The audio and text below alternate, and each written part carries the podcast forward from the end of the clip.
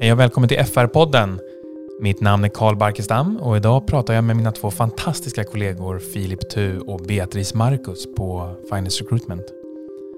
Vi kommer prata om ekonomiassistentrollen med fokus på kundreskontraavdelningen, vad som kännetecknar en bra retkontraavdelning, vilka egenskaper den perfekta kandidaten har och lite hur yrkesrollen utvecklats under de senaste åren. Nu kör vi igång! Ja, men med det sagt skulle jag vilja säga välkomna till FR-podden Beatrice och Filip! Tack! Wow! Så himla kul! Ja, men kul att ha er här. Ja. Denna soliga fredag eftermiddag. Wow, sommaren är kanske på G nu. Jag har beställt sommar från idag. Du har Ifrån det? lunch nu. Från och med nu så är det sommar hela, hela, hela sommaren. I love it. Ja. Alltså jag önskar, jag, jag önskar att vi får en sån här riktigt varm och skön sommar så att vi får komma ut och få bli lite socialt aktiverade. Lagom såklart. Tänk på sjukvården. Men nog om det. Så himla kul att ha er här. Och jag tror inte att våra lyssnare riktigt har koll på vilka ni är. Så jag skulle vilja börja med att fråga dig, Filip. Vem är du? Kan du ge oss en liten crash course? Vem är Filip Tu? Absolut. Ja, Filip Tu heter jag då. Eh, har jobbat här på Finance Recruitment i ja, men ganska så exakt tre år. Ehm, så jag har eh, började som vanlig rekryterare. Ehm, och nu de senaste ett och ett halvt åren har jag varit senior. Och vad det riktigt innebär, det är väl ja, också lite luddigt, som det alltid är med Mhm. titlar. Eh, men är mer självgående, har lite mer ansvar helt enkelt. Mm. Och du är fostrad av det vi kallar Gnosjöandan. Jajamän. Är du från Gnosjö? Jag är från Gnosjö. Du är född i Gnosjö? Född och uppvuxen i Gnosjö. Mm. Eh, lämnade när jag var 18 efter studenten. Men ja, det är som du säger. Gnosjöandan hänger ju kvar. Det här med företagsamhet, bra och god arbetsmoral. Eh, nej, men det, det har verkligen präglat eh, mig, Ja, skulle jag säga. härligt. Definitivt. härligt. Beatrice, Ja. välkommen. Tack! Vem är du? Ja, vem är jag? eh, jag är ett nytt eh, tillskott på Finance eh, Recruitment. Jag började för en vecka sedan. Eh, vad ska jag göra här? Det är lite mystiskt. Mm. Det är lite hemligt kan är man lite hemligt kan man säga, men kort, eh, lite kort då så ska jag egentligen jobba med eh, affärsutveckling av ett eh, lite spännande projekt. Mhm. Så att eh, ja, vi får se, vi får se vad som Är du händer. exalterad? Jag är så exalterad. Det här är ju det här är egentligen eh, allt jag vill göra. Eh, det är superspännande och, och att få möjligheten att vara med på det eh, utan att säga för mycket är ju så himla häftigt. Nice. Hur kom du i kontakt med Finance Recruitment? Alltså det började väl ungefär för ett och ett halvt år sedan när jag eh, på något sätt så fick du Filip eh, kontakt, du, du kontaktade mig på Mm. LinkedIn Mm. och skrev typ såhär tja du jag ser din profil här på LinkedIn, du körde väl någon så här standardgrej som du kör till liksom eh, alla bra kandidater liksom. Exakt. men, eh, men, och sen så föreslog du att vi skulle bara ses, typ ett ja, men lite spontanmöte Mm. liksom. Eh, och jag kände väl att ja, men, eh, han verkar ju vara en eh, kul kille. Och så, eh, så träffades vi och sen så satt vi i något av de här rummen på, på kontoret. Eh, och snackade lite om vem jag var och vad jag gjorde och vad du gjorde Filip och vad bolaget gör och pysslar med och Mm. liksom här, värderingar. Och jag fick en jäkligt bra känsla för Mm. bolaget på en gång. Eh, och det har jag sagt till typ alla som jag har träffat här. Så här jag tror på Filips sätt att eh, rekrytera för att det är verkligen så. Man vill, du är väldigt bra på att få en att känna sig väldigt speciell Ja, och sig sedd. Att liksom, jag kände inte att vi satt och du förhörde mig utan Ja. jag kände så att vi bygger en relation och sen får vi se vart det leder. Liksom. Mm. Och det är verkligen så som jag känner att man, eh, alltså som kandidat, eh, jag uppskattar det väldigt mycket. Mm. Ehm, och det var väl där jag egentligen började få tankar om att så här, hmm, kan det vara ett bolag för mig Mm. eh, att jobba på? Men det är kul att du säger det för att så här, man, man klickar ju såklart olika bra med olika människor och lika så är det ju på intervjuer. Att man känner ganska snabbt att man klickar nog lite olika bra med olika kandidater. Och ja, det var ju ömsesidigt. Jag kände ju oj, det här var ju nog mycket bättre än vad, om man nu ska säga genomsnitten av mina kandidater som jag brukar eh, intervjua dagligen. Alltså inte, snällt. inte bättre i den meningen att hon skulle ha mer erfarenhet eller att hon skulle vara bättre på, på, på just arbetet. Men jag tyckte att hon hade, ja, men jag tyckte att Bea hade det här extra som jag tror att men det vi behövde där och då. Mm. För, för ett och ett halvt år sedan då när vi först kom i kontakt med Mm. varandra, då var ju Finance Recruitment i ett stadie där vi växte väldigt mycket. Vi behövde ta in eh, nytt folk. Mm. Eh, och då var vi i det stadiet att vi var väldigt intresserade av att inte bara få in nytt folk, utan folk som faktiskt hade jobbat med ekonomi tidigare. Mm. Just det. Men ändå ha den här kommersiella sidan och det tyckte jag ju verkligen att Bea hade. Så det började med ett vanligt eh, förutsättningslöst möte eller Ja. intervju.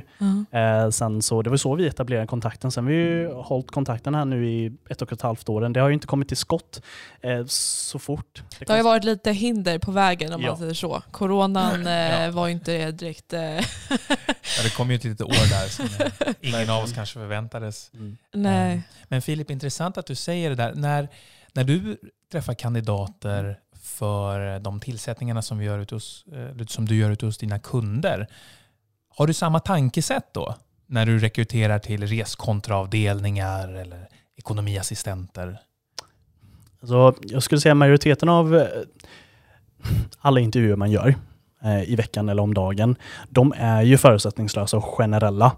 Då går man in i, i, i- mötet eller i intervjun med ett mindset att ja, men nu kör vi ett- ett generellt möte. Stämma av det viktigaste. Vad är det du gjort och vad är det du gör och vad är det du inte vill göra och vad är det du eh, kanske vill, vill satsa mer på framöver. Och vad gäller personlighetsmässigt, så här, i och med att jag rekryterar väldigt nischat inom just reskontra bara, så är det ju en ganska snäv, alltså snäv, alltså nisch på typ, eh, viss typ av människa Mm. och väst, viss typ av eh, egenskaper som, man- som man väljer.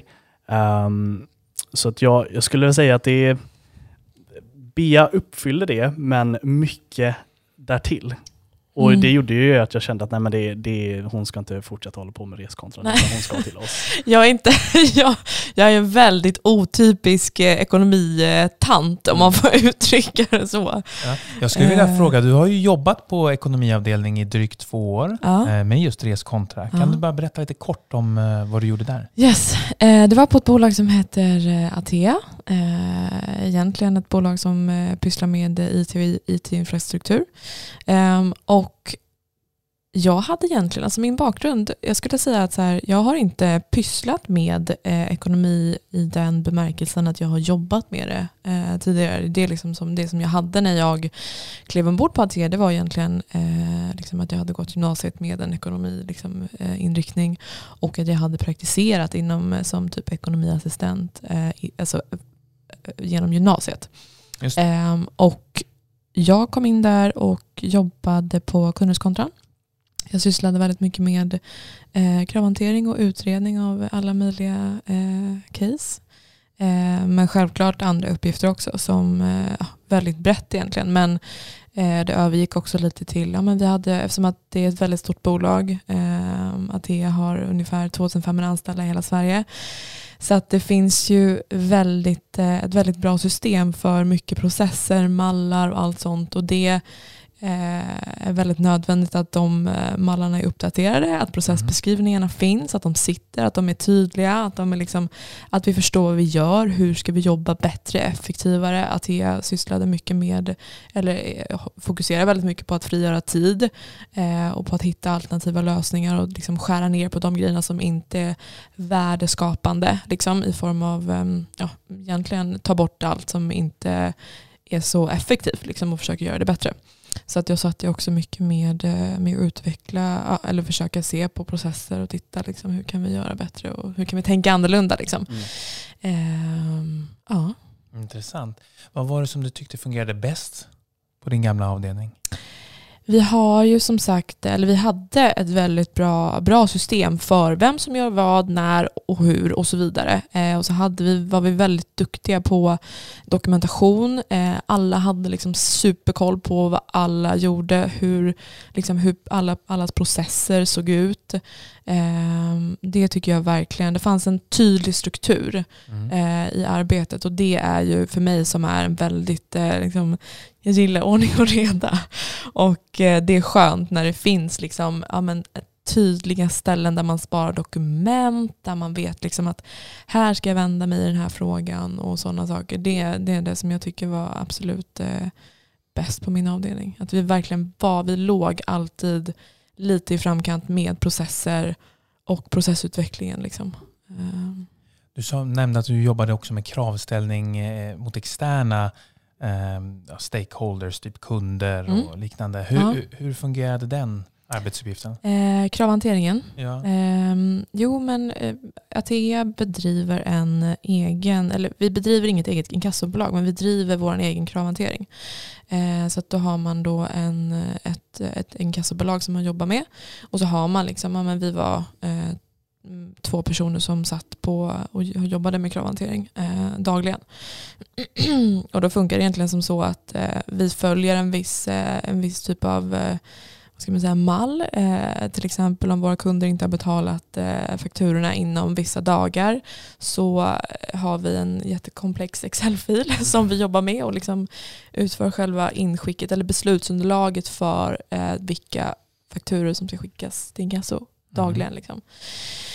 Ehm, och det gjorde vi ja, egentligen en gång per dag. Mm. Eh, och sen så nästa steg så kommer de in och registreras hos inkassobolaget. Sen så sköts liksom dialogen mellan oss och inkassobolaget och de kundansvariga säljarna mm. eh, på AT.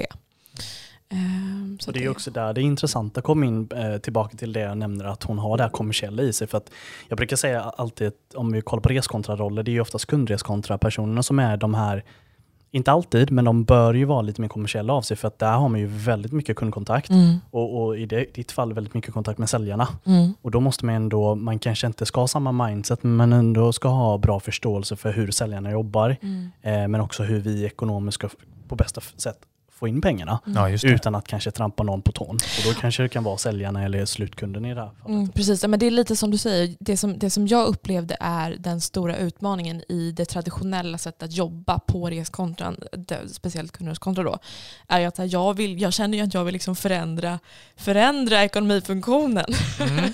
på vissa sätt. För att här, jag upplever att Eh, nu, nu, nu, har inte jag eh, erfarenhet av eh, något annat bolag så jag kan inte svara för hur man jobbar på andra ställen. Men, men till exempel om man tar Atea som exempel så tänker jag att så här, det finns så mycket grejer man skulle kunna förändra och göra annorlunda. Och den är ju, det är ju väldigt eh, svårt att förändra eh, ekonomifunktionen. Liksom. Det är inte världens lättaste boll. Eh, men det här som du säger, det här med förstå affärsmässigheten, affärs, liksom, eh, hela hela bakgrunden till att fakturan är försenad. Mm. Liksom att man ska göra fånga upp på ett helt annat sätt, förebygga, vara mer proaktiva mm. i sitt sätt att jobba. Eh, mm. och då menar inte jag att liksom, typ, ta ut och, och liksom egentligen ringa på de fakturorna som är av större belopp och som kanske förfaller liksom, inom snar, snar framtid. Utan så här, om vi säger att vi ser ett mönster att den här kunden har ett återkommande problem. Det här är en väldigt stor kund hos oss eh, och det, det, det, påverkar vårt kassaflöde väldigt negativt och vi ser att de har ett problem.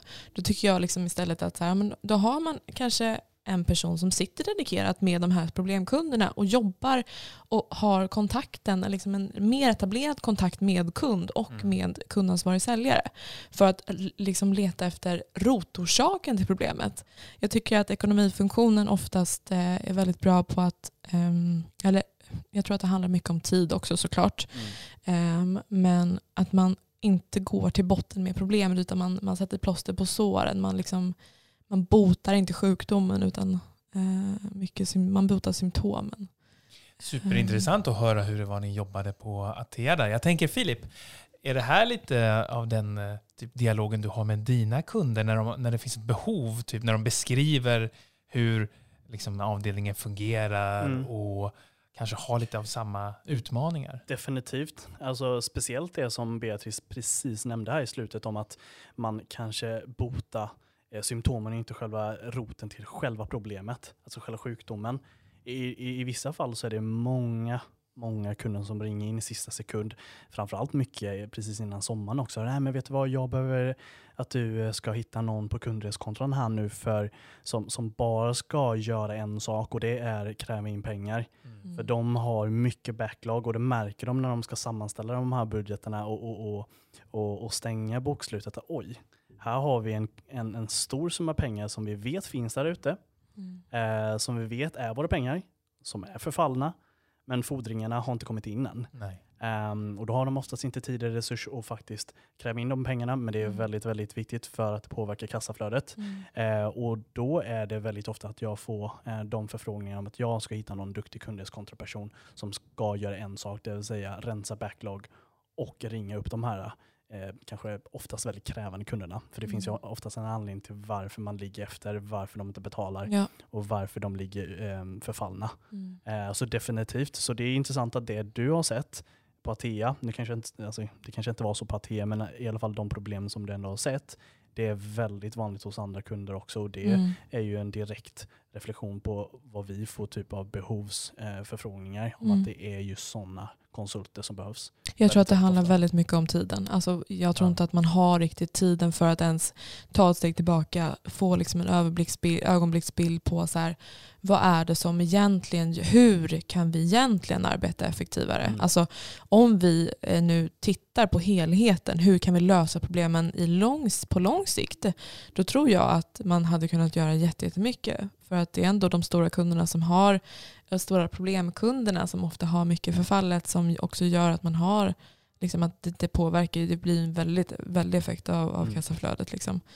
Ehm, Filip, på de här, eh, rätta mig om jag har fel, två och ett halvt, tre åren som du har jobbat som rekryteringskonsult nu, har du märkt någon förändring i vad, eh, vad kunderna efterfrågar Mm. i en ekonomiassistent och en reskontraroll? Det? Det som är top of mind som jag, för jag har ju också själv varit ekonomiassistent och det här var ju fem sex år sedan. Eh, I jämförelse med när jag var ekonomiassistent och när jag väl började på Finance Recruitment de, de första åren eh, så var väl ett väldigt, väldigt fen, eh, vanligt fenomen att man outsourcar sina eh, reskontror Ja. eh, och ha externa shared service center som, som de kallar det. Eh, väldigt vanligt att man outsourcar till Indien, Polen, Ungern och så vidare. Eh, det var ett vanligt fenomen, det är Mm. det fortfarande. Men det jag skulle säga är trenden nu när man pratar med många kunder, det är faktiskt insourcing. Att de har märkt att nej, men det funkar inte alltid så jättebra. oftast är det så att när de outsourcar, då outsourcar de inte allting. Utan de outsourcar oftast det som eh, ja, men lite mer administrativt. Lite mer allt det löpande, alltså det footwork. Eh, men man har ju fortfarande en funktion hemma i Sverige. Man har kanske en avdelning som är mer en kravställande funktion. För att till exempel kundreskontran då, många kunder kanske är svenskar. Då kanske inte de i Indien eller de från andra länder kan ha den kundkontakten på samma Mm. sätt. Eh, Så, så därför är det viktigt ändå att man har svenskar på plats. Mm. Så att ett vanligt fenomen är faktiskt att man har märkt att nej men vet du vad, det är mycket dubbelarbete. Vi Ja. har arbetet utomlands men vi har även arbete här i- hemma i Sverige. Är det verkligen så effektivt och eh, billigt som man trodde att det var? Eh, det är många som har rannsakat det, är många som faktiskt har bestämt sig för att ta in eller ta tillbaka ekonomifunktionen. Mm. Det är ett vanligt fenomen som jag eh, stött, stött på ganska ofta nu hos mina kunder. Ja. Mm. Du som kommer från ett större bolag, eh, Ja. Beatrice, märkte du av någon eh, utveckling eller att det förändrades under tiden du var där? För du pratade tidigare om saker som du ville skulle hända på Ja. funktionen. Ja, ja. Alltså så här, det- har ju hänt massor. Eh, det händer ju liksom eh, saker hela, hela, hela tiden och, och man får ställa sig, för nya, liksom, eh, ställa sig inför nya utmaningar. Det här med att corona kom, det ändrade egentligen hela vårt arbetssätt. Eh, vi prioriterade andra arbetsuppgifter, vi ställde om, vi byggde om, vi liksom modellerade, pusslade ihop, liksom, eh, försökte hitta ett eh, nytt sätt att jobba. Ehm, så att det har hänt otroligt mycket, eh, verkligen. Ehm, speciellt ja, enligt, mer, och, mer och mindre inom vissa områden. Liksom. Men, eh, Mm. men det har det verkligen. Ehm, Hur ser vi, eh, om vi blickar framåt, liksom, hur, det pratas ju mycket om robotisering och digitalisering, att det ska gå i automatiska flöden. Jag tänker, Filip, eftersom att du pratar om kunder som tar tillbaka ekonomifunktionen för att de märker att det blir ja, dubbelarbete. Har, dina kund, har du märkt av att dina kunder liksom ställer mer krav på eh, alltså systemkunskap och, och, att förstå sig på det, dig, de digitala flödena? Det är jätteviktigt. Alltså det är väldigt viktigt.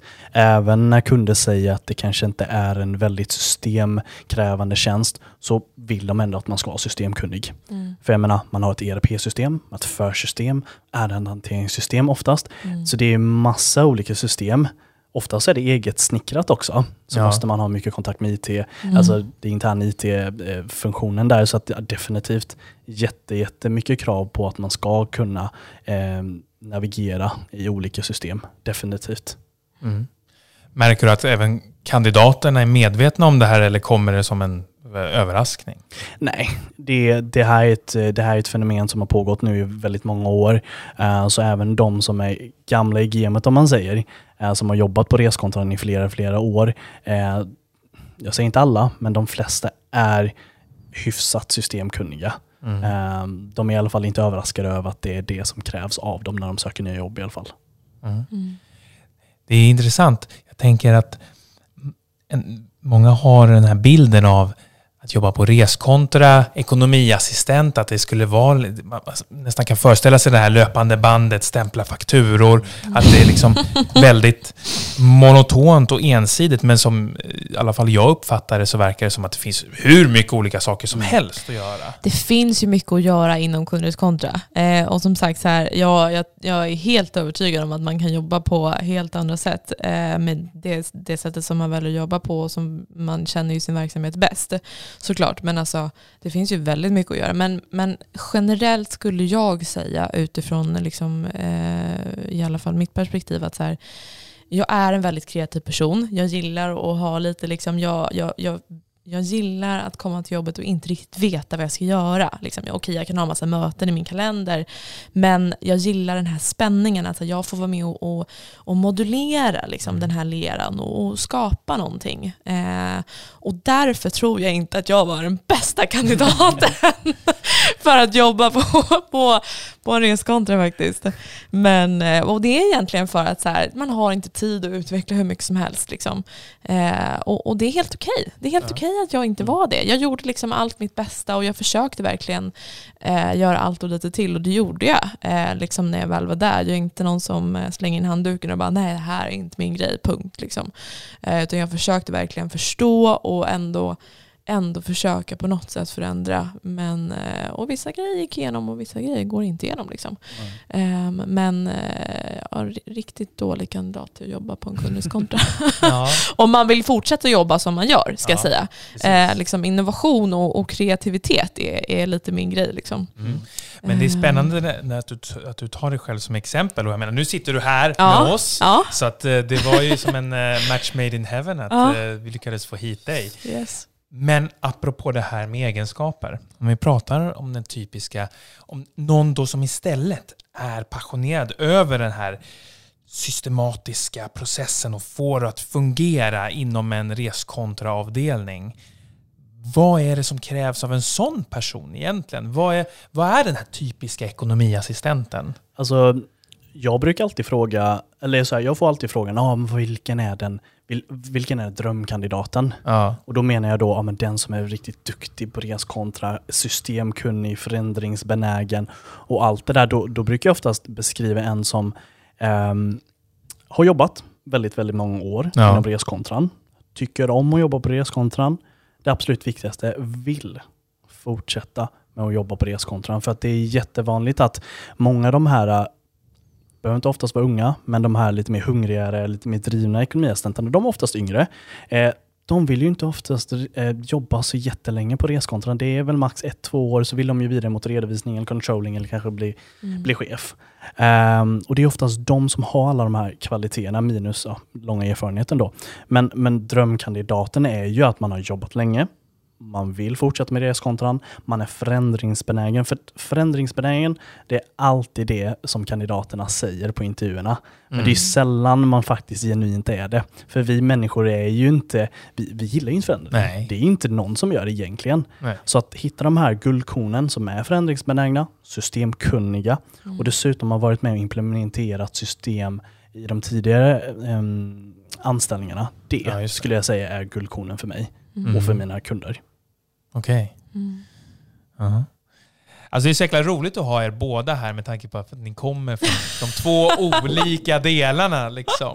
Vi har kandidatperspektivet och vi har Och att rekryteringsperspektivet. det faktiskt var jag som träffade henne först. Ja, Ja. precis. Och genom så blev till. Det är... Och så blev det till. Mm. Ja. Det är så Det är häftigt. Jag tycker att det är så häftigt. jäkla coolt och det är därför man ska vara där ute. Alltså man ska vara synlig. Mm. Liksom, nej men alltså när jag fick jobbet på Atea så var det en, en rekryterare som faktiskt ringde upp mig och sa så här Hej du, jag har sett att ditt CV ligger här på någon, i någon databas. Och jag Mm. bara, vilket CV är det? Ja. Jag bara, men gud.